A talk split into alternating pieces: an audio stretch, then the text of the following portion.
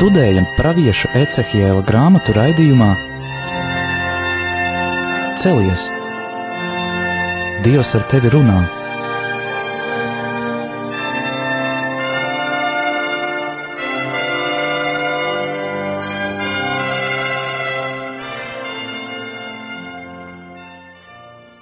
Slavēts Jēzus Kristus, mūžīgi mūžos slavēts studijā Stela un Anžela. Šodien turpināsim lasīt pravieša Ecehila grāmatu, un var teikt, ka ir tajā jau ir redzams tāds kā lūzuma punkts. Pagājušā reizē mēs lasījām 24. nodaļu, un diezgan daudz runājām par personu, kur ir tikai daži teikumi par viņu teikts. Konstatējām, ka pravietis Ecehils izrādās ir bijis precējies, kas dažkārt uh, celibāta aizstāvju rindās tiek diezgan centīgi slēpts, ir laimīgi precējies. Varējām saprast, ka sieva bija viņam gan skaista, gan gudra sieviete, kurā viņš kā tiešām drošā pilsētā varēja atrast mieru pēc grūtajiem dieva dotajiem uzdevumiem, bet arī redzējām, ka viņa tiek pravietim atņemta caur slimību. Salīdzinājām dažādus tulkojumus, no kuriem daudzi pat norāda uz to, ka tā ir sieva, kuru pravietis mīl, bet viņa tiek atņemta caur slimību, ko mēs varējām saprast divējādi. Ka aplenktajā pilsētā Jeruzalemē, par kuru pravieto Ecehils, vairs sēru tradīcijas netiks ievērotas, jo būs tik liels bats un šausmas un nāve, ka neviens vairs to neievēros. Un otra doma bija, ko, par kuru runāja Anģela, kad varam redzēt tur jau norādi uz augšām celšanos. Tātad arī tādā gadījumā ļoti lielas sēras pat nav vairs tik būtiskas. Bet, kā jau minēju, grāmatā it kā ir redzams lūzums, un tagad jau mēs lasīsim un pētīsim nākamās nodaļas, pat vairākas uzreiz, jo teksts ir ļoti līdzīgs, kur ir pravietojums par apkārtējām tautēm arī tām nāk posts, iznīcība, bēdas, un redzēsim arī, kāpēc. Jo to, kas ir tur teikts par veselām lielām tautām, mēs varam attiecināt arī uz tautām mūsdienās, un pat katrs pats uz sevi, uz savu iekšējo dzīvi.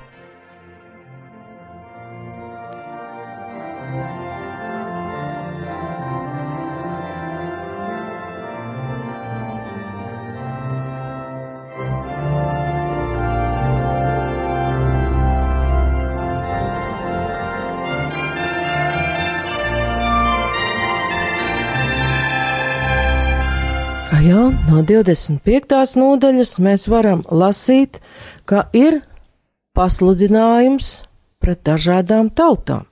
Tur varam lasīt pasludinājums pret amoniešiem, Moābu, Edomu, 26. nodaļa pret Tīru. Vēl tālāk mēs varēsim lasīt arī pasludinājumu pret Ēģipti un Faraonu un varam redzēt visām šīm nodaļām kādu kopīgu iezīmi. Šie pasludinājumi vēstī šīm varanajām, ekonomiski un militāri varanajām tā laika lielvarām, kā arī Izrēļu un Jūdas apkārtējām tautām postu, iekarotājus un iznīcību. Vēl mēs varam redzēt šajās nodaļās, ka ir atsevišķi. Autors izdalīs to, kas, to tekstu, kas ir runā, kas ir par valdniekiem. Un vēl, ka Dievs, viņa vārds tur ir klāt, piemēram, 27. nodaļa, par mani nāca tā kunga vārds. Cilvēka bērns dzied raudu dziesmu par tīru Tad mēs varam tur lasīt vairākas raudu dziesmas, un jūdu tradīcijā tā draudu dziesma tā ir mirušā apraudāšana. Tā tad šīs tautas un to valdnieku tiek, valdnieki tiek apraudāti kā miruši, un pravietim tiek dot šis uzdevums - raudāt par viņiem, just līdzi šo tautu liktenim. Šim uzdevumam izrādās ir diezgan cieša saistība ar to, kādi iemesli izraisa dieva dusmas pret tām tautām. 25. nodaļā mēs varam lasīt, ka ir pasludinājumi pret dažām tādām nelielām it kā cilvēku kopām, tautām. Tur nekāda raudu dziesma nav paredzēta. Pret amoniešiem, Moabu, Ēdomu, un beigās tur vēl ir redzami arī filistieši un krētieši. Visi cieš no iebrucējiem, no iznīcības. Tās ir tautas, kas dzīvoja apkārt Izrēlim un Jūdam, šīm abām karalistēm. Te varam tur redzēt, ir vispirms pret amoniešiem 1 līdz 7 pāns, moābieši 8 līdz 11, tādi idumieši 11 līdz 14 un filistieši 15 pants un tālāk.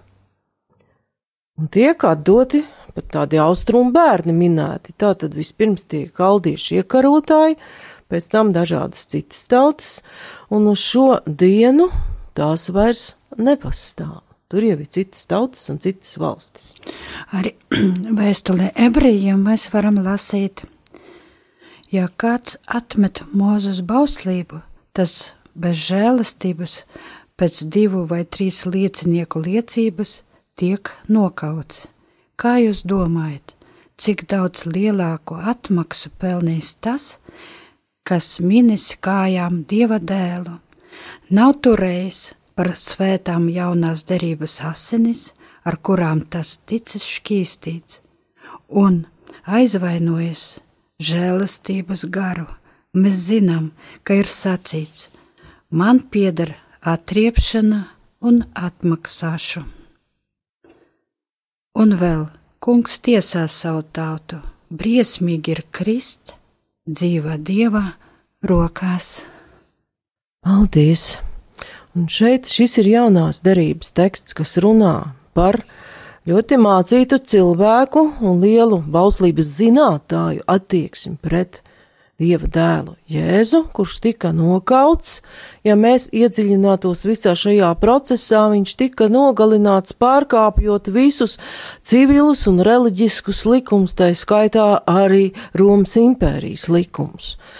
Tā tad netika ievērot žēlastības likums, un ko tad Dievs pārmet visām tām tautām ap izradzēto tautu, kur varam saskatīt arī jau Dieva dēla nākšanas pirmtēlu viņš piedzima izredzētajā tautā, pret kuru nežēlīgi izturējās šie apkārtējie.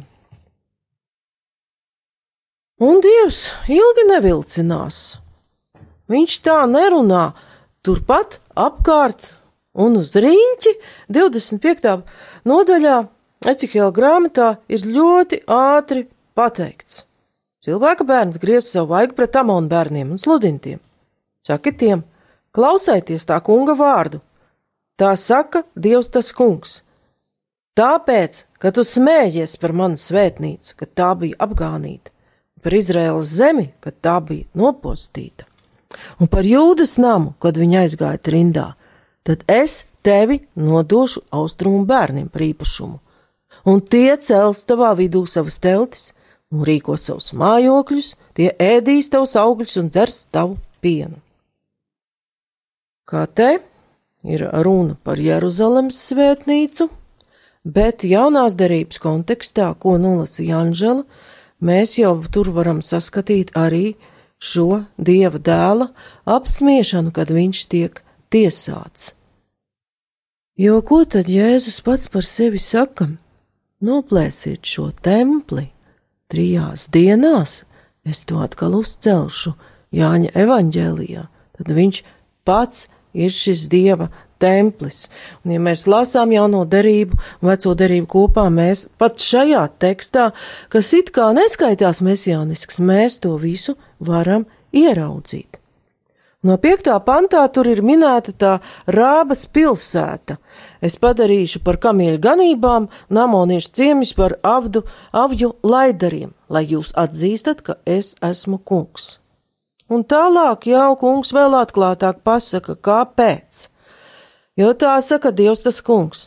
Tāpēc, ka tu plaukšķināji rokas un priekā piesit ar kāju, no visas sirds ar nicināšanu priecājies pa Izraēlas zemi Tāpēc es izstiepšu savu roku pret tevi un nodūšu tevi citām tautām par laupījumu. Līdzīgi notiek arī ar Moābu, un pasludinājums pret Ēdomu. Tur jau Anģela aizgāja pat pa, pa priekšu, dziļi izprotot šo tekstu. Tas viņas lasītais teksts tieši jau runā par šo atriepšanos, ka atriepšana pieder dievam, un kas tad tur bija ar to ēdomu, ēdomieši ir ēsava pēcnācēji? Tā saka Dievs tas kungs, tāpēc, ka ēdama nostājās pret jūdas namu ar atriebības kāru, kāras pilnu sirdi, un atriebdamās stipri noziedzās. Tāpēc, saka Dievs tas kungs, es izstiepšu savu roku pret ēdamu un iznīcināšu tur cilvēkus un lopus, un padarīšu to par izkaltušu kailatni. Tad ko no tā visa mēs varam secināt? Tālāk tas pats ir teikts arī par filistiešiem, ka filistieši darbojušies aiz atriebības kāras.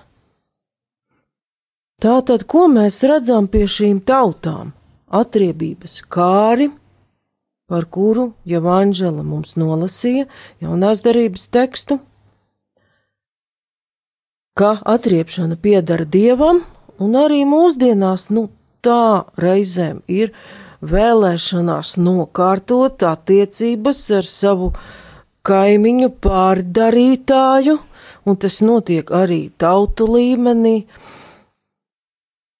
Bet raksti saka, atriebība piedara dievam, jo mēs īsti nezinām, to personu, un tas pat tautu starpā īsti nav redzams, kā šī situācija ir izveidojusies, kurā viens cilvēks otram ir nodarījis ļaunu vai pat tauta tautai. Mēs arī šeit varētu izlasīt radīšanas grāmatu, kad uh, cilvēks krīt grēkā. Bet čūska teica sievai, mirt jūs nemirsiet, jo Dievs zina, ka ka tajā dienā, kad jūs no tā ēdīsiet, jūsu acis atvērsies un jūs būsiet kā Dievs.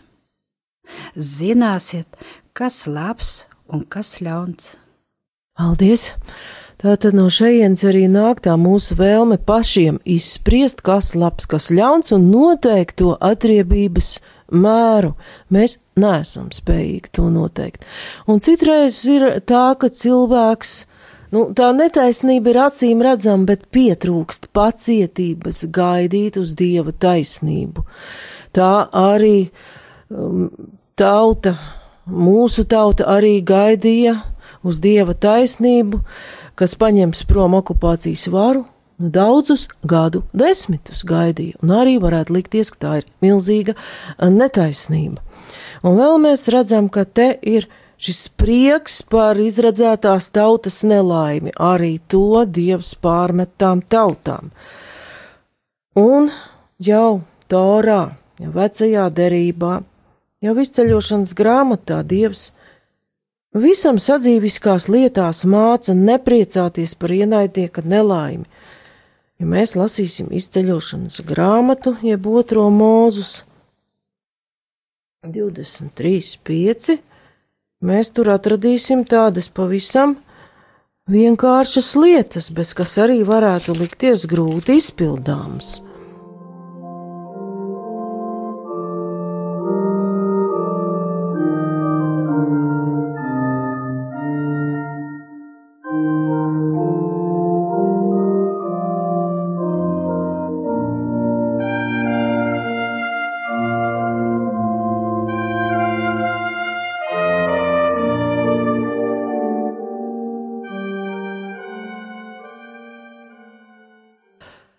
Tā kā katra tauta, katra cilvēku liela kopiena sākas ar mūsu katru, ar ģimeni, ar cilvēku savstarpējām attiecībām. Ko tad Dievs prasa?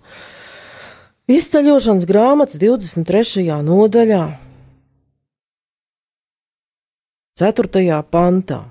Ja tu sastopi sava ienaidnieka vērsi vai ēzela maldāmies, tad steidzies vest to viņam atpakaļ. Ja tu redzi sava ienaidnieka ēzeli guļam zem viņa nastas, tad neatstāj to, bet palīdzi tam to piecelt.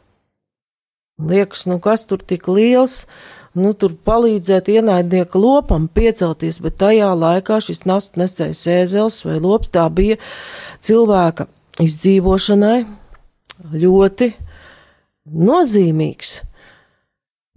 Tas pārvietoja nastas, tas palīdzēja atvest no lauka arī labību, augļus, dārzeņus, tā kā tas bija ļoti nozīmīgi palīdzēt ienaidniekam. Kaut gan, nu, varētu likties, vai cik labi tas ēzels nokrita. Tagad viņam būs slikti. Nekā, Dievs saka, ej, palīdzi piecelties. Tātad palīdzi tam savam ienaidniekam dzīvot tālāk. Mēs arī varētu lasīt no Mateja evaņģēlija Dievu vārdu. Jūs esat dzirdējuši, ka ir sacīts aci pret aci un zobu pret zobu, bet es jums saku, nestājieties pretim ļaunamam, ja kāds tev sit pa labo vaigu, tad pagriez arī otru. Kas grib ar tevi tiesāties un ņemt tavu kreklu, tam atdot arī virsdrēbes. Ja kāds tevi spiež, iet vienu jūdzi, paiet ar to divas, dot tam, kas tevi lūdz, un nenovērsies no tā, kas no tevis grib aizņemties. Paldies! Arī tālāk varam lasīt Tālāk ir jā, jo tas diezgan tā, mēs iedziļināsim tajā, ko tas nozīmē. Jūs esat dzirdējuši, ka ir sacīts, tev būs savu tuvāk mīlēt un savu ienaidnieku ienīst. Nu, tas ir tas vecās derības ļoti pazīstamais, nu, kas man arī kaut kur tomēr sēž iekšā aci pret aci, zobu pret zobu. Bet es jums saku, Un ko Jēzus saka? Mīliet savus ienaidniekus un lūdziet Dievu par tiem, kas jūs vajā, vai jūs topat sava debesu tēva bērni. Tālāk mēs nedaudz izlaižam, jo laiks ir nav pārāk uh, daudz. Un, kad jūs sveicināt tikai savus brāļus, ko sevišķi jūs darat, vai muitnieki nedara tāpat? Tāpēc esiet pilnīgi, kā jūsu debesu tēvs ir pilnīgs. Tā tad tā ienaidnieka mīlēšana ir saistība, ļoti cieša saistība ir ar pilnību, ar līdzināšanos dievam, jo tur arī minēts, ka dievs ļauj saulē spīdēt par tādiem un tādiem taisnīgiem, netaisnīgiem. Vai tā ienaidnieka mīlēšana, kāpēc tas spurs ir gaisā, vai tas nozīmē milzīga emocionāla maiguma jūtas pret viņu? Nebūt? Nē. Tas ir lēmums tik tiešām neatriepties, nekaitēt šim ienaidniekam. Ja nepieciešams, arī viņam palīdzēt.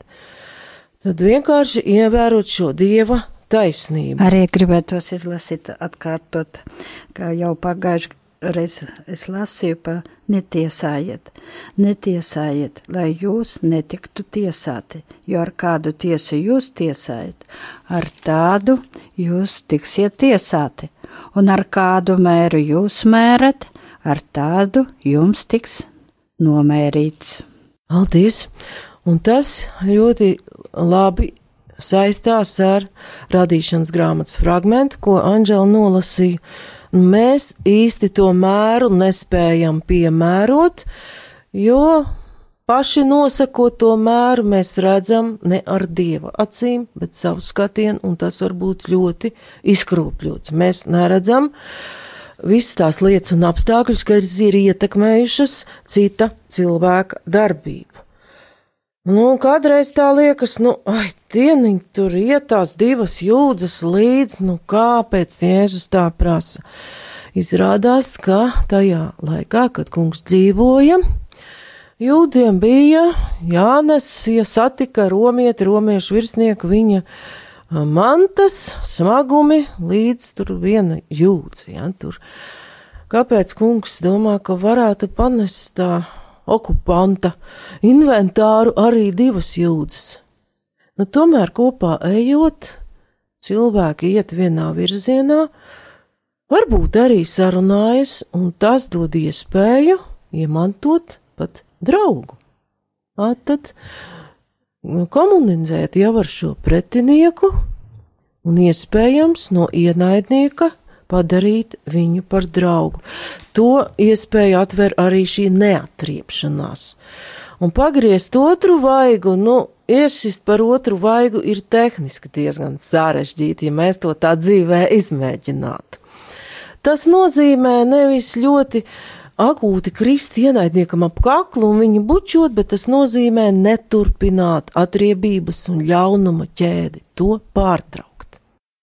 Un arī mēs varam atcerēties no vecās derības, ka Dāvids eh, nekad nevarēja vispār nogalināt sauli, tā kā viņš zināja, ka saules bija izredzēts Dieva.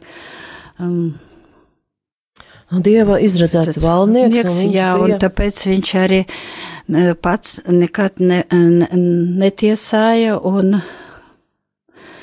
gaidīja, kā Dievs rīkosies ar saulu. Kā viņam Dāvinam bija cīņa pret šo dieva lēmumu, Jā. ar kuru viņš bija saulu iecēlis par valdnieku.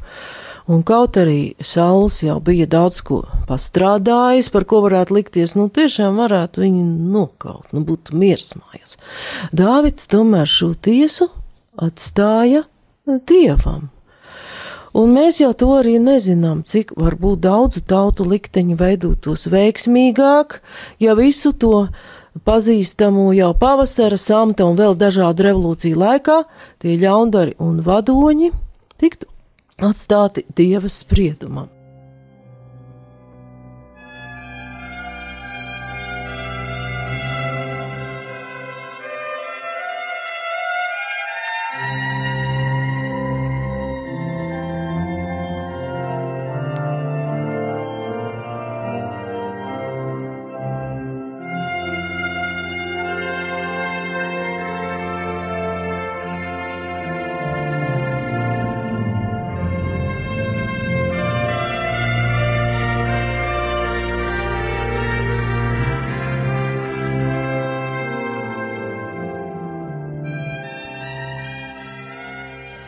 Tālāk no 26. nodaļas jau ir pravietojums pret tīru, raudu dziesma par pilsētu, tad ir arī pasludinājums 28. nodaļā pret tīras valdnieku un raudu dziesma par šo valdnieku.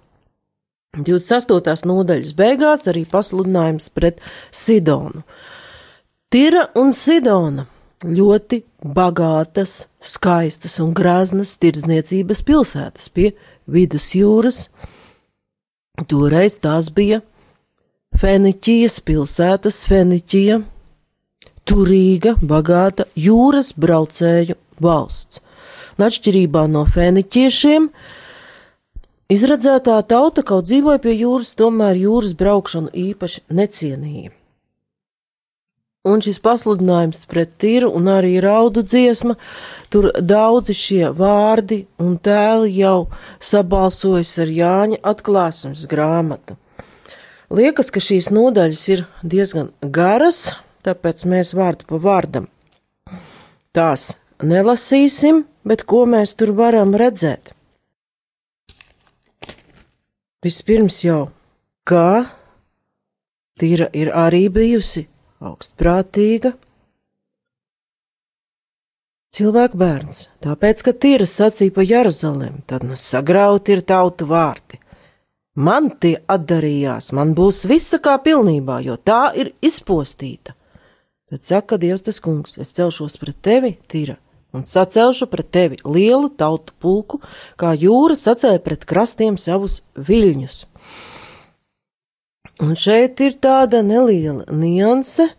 Jā, arī Tīra priecājas par Jeruzalemes krišanu, ka tā ir sagrauta, bet Tīrai tās intereses ir tādas vairāk ekonomiskas, ka tas viss labums tagad būs man. Tālāk kungs uzrunā Ecihielu jau pasakot, ka pret tiru tiks sūtīts Bābels ķēniņš Nebukadnecars, pat aprakstīts viss tas uh, militārais arsenāls, kādu ķēniņš raidīs pret šo pilsētu. Nu, šeit mēs arī varētu izlasīt uzreiz arī Dievu vārdu Mateja evaņģēlija par mantas krāšanu. Jā, jo Nekrājiet tur... sev mantas virs zemes, kur kodes un rūsa tās maitā, un kur zagļi roka un zog, bet krājiet sev mantas debesīs, kur ne kodes, ne rūsa tas nemaitā, un kur zagļi nerok un nezog, jo kur ir tava manta, tur būs arī tava sirds. Paldies! Un visās šajās garajās nodaļās, kur ir aprakstīta tīras godība un greznība, kungs saka vēl 26. nodaļā, jo tā ir sacījis Dievs, tas kungs, es tevi padarīšu par izpostītu un tukšu pilsētu, kā citas pilsētas, kur neviens vairs nedzīvo. Es tevi nogrūdīšu pie tiem, kas nogrimuši bedrē, Rodas jautājums, kāpēc kungs vēl saka 21. pantā, 26. nodaļā, es tev sagādāšu briesmīgu galu, lai tevis vairs nebūtu, un kad tevi meklēs, tad lai tevi nemūžam neatrastu. Kas tad ir tur par vainu? 27. nodaļas raudu dziesma jau diezgan skaidri to pasaka. Saki tirai, kas atrodas pie izejas uz jūru un tirgojas ar daudzām jūras salām, jūras piekrastēm. Tas kungs Dievs tev saka, tir, tu sacīji, es esmu kuģis, kas pilnvērtīgs savā skaistumā.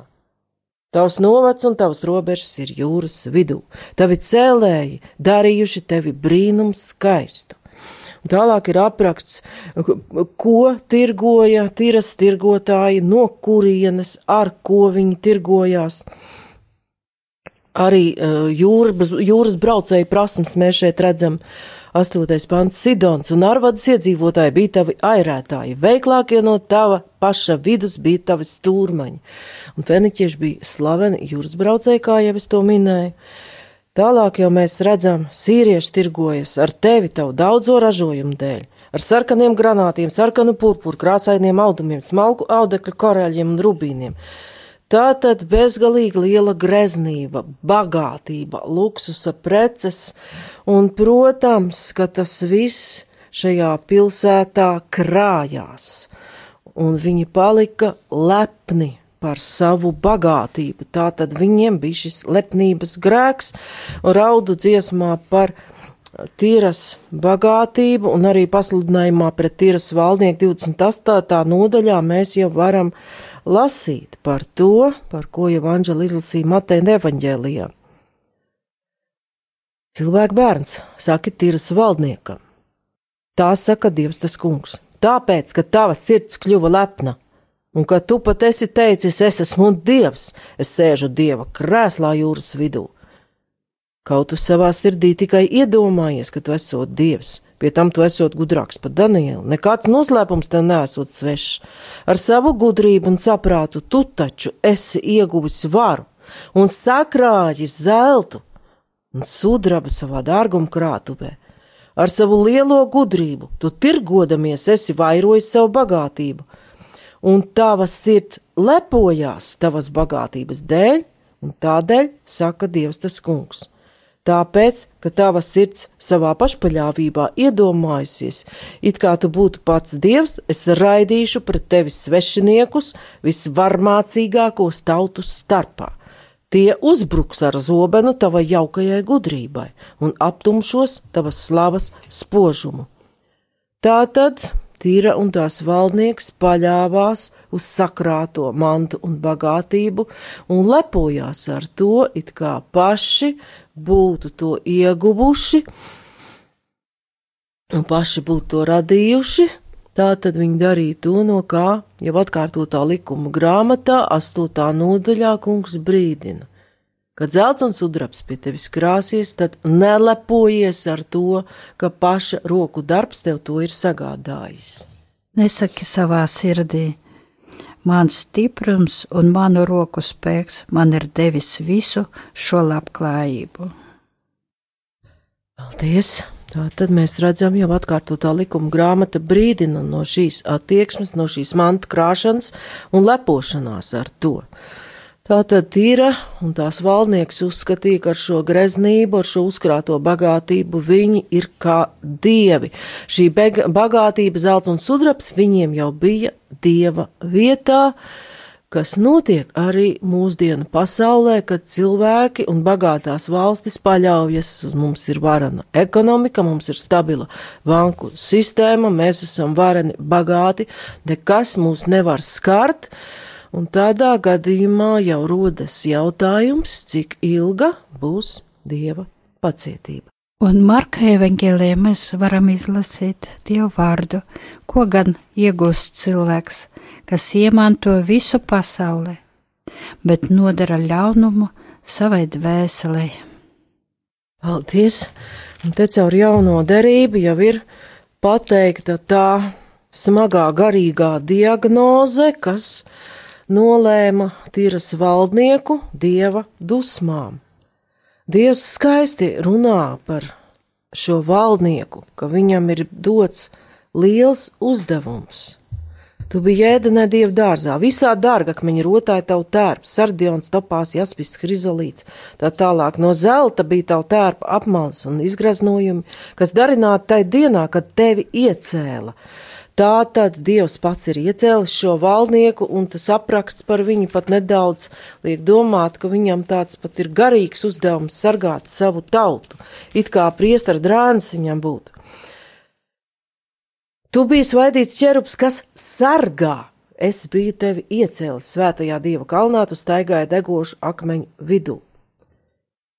Tā tad valdnieks, viņa uzdevums ir sargāt savu tautu. Nevainojams tu biji savos ceļos no tās dienas, kad tevi iecēla par ķēniņu, līdz kamēr atrada tevī noziegumu. Un tad tur jau ir tā diagnoze un tās cēlonis. Tad Ecihijā grāmatā 27, 28. nodaļā, 16. pantā mēs jau un tālāk lasām. Tavas plašās tirdzniecības dēļ tavas sirds pildījās ar netaisnību. Varam atcerēties, kā tur to plašo tirdzniecību, ko par to atgādina Levītu grāmata. Turēt taisnu mēru un svaru, būt godīgam tirdzniecībā. Nu, pie tādiem apmēriem, kāda bija Tirā un Sidonā, diez vai tur viss tik godīgi notika. 17. pants. Tavas sirds bija palikusi lepna tava skaistuma dēļ. Tu savu gudrību pazaudēji aiz ārējā spožuma Tādēļ es nogāzu tevi pie zemes ķēniņa acu priekšā, lai tie priecājas par to, kā tev klājies. Ar saviem daudzajiem noziegumiem un negodīgo tirgošanos tu esi licis negodā svētumus. Tādēļ es liku izšauties ugunī no tevis paša, kas tevi aprija un daru tevi par pelniem uz zemes, visu to acu priekšā, kas tevi ir redzējušas. Tā tad izrādās, ka tik tiešām šī mantkārība, mantas krāšana pamudina cilvēku uz negodīgumu, uz tieksmi krāt ar vien vairāk, un, kā redzam, tīrs valdnieks caur to tiek pazudināts.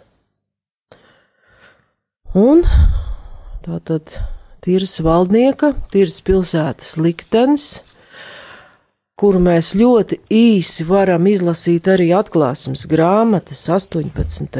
nodaļā, kur visas šīs graznās pilsētas un liela ekonomiskās lielvaras, kas paļaujas uz sevi, tiek apzīmētas jau ar Bābeles vārdu, jo varam lasīt. 18. nodaļa, 9. pants un tālāk. Raudās un vaimanās par viņu visas pasaules valdnieki, kas ar viņu dzīvojuši netiklībā un kārumos, ka tie redzēs viņas liesmu dūmus, attālus stāvēdamais bailēm no viņas mokām tie sauks. Vai vai lielā pilsēta, varanā pilsēta Bābele vienā stundā sodība ir nākusi par tevi.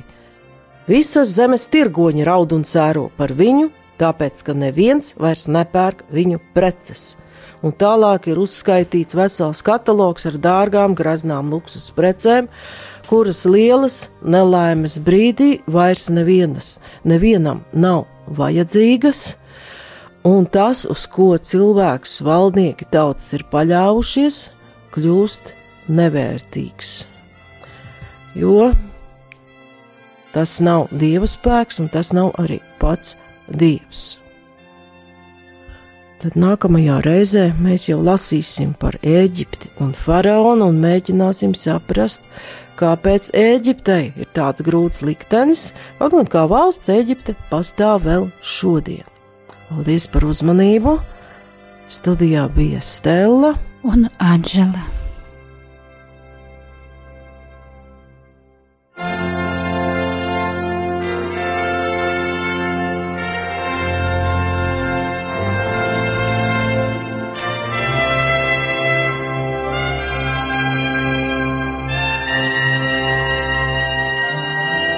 Izskanēja raidījums Celies! Dievs ar tevi runā!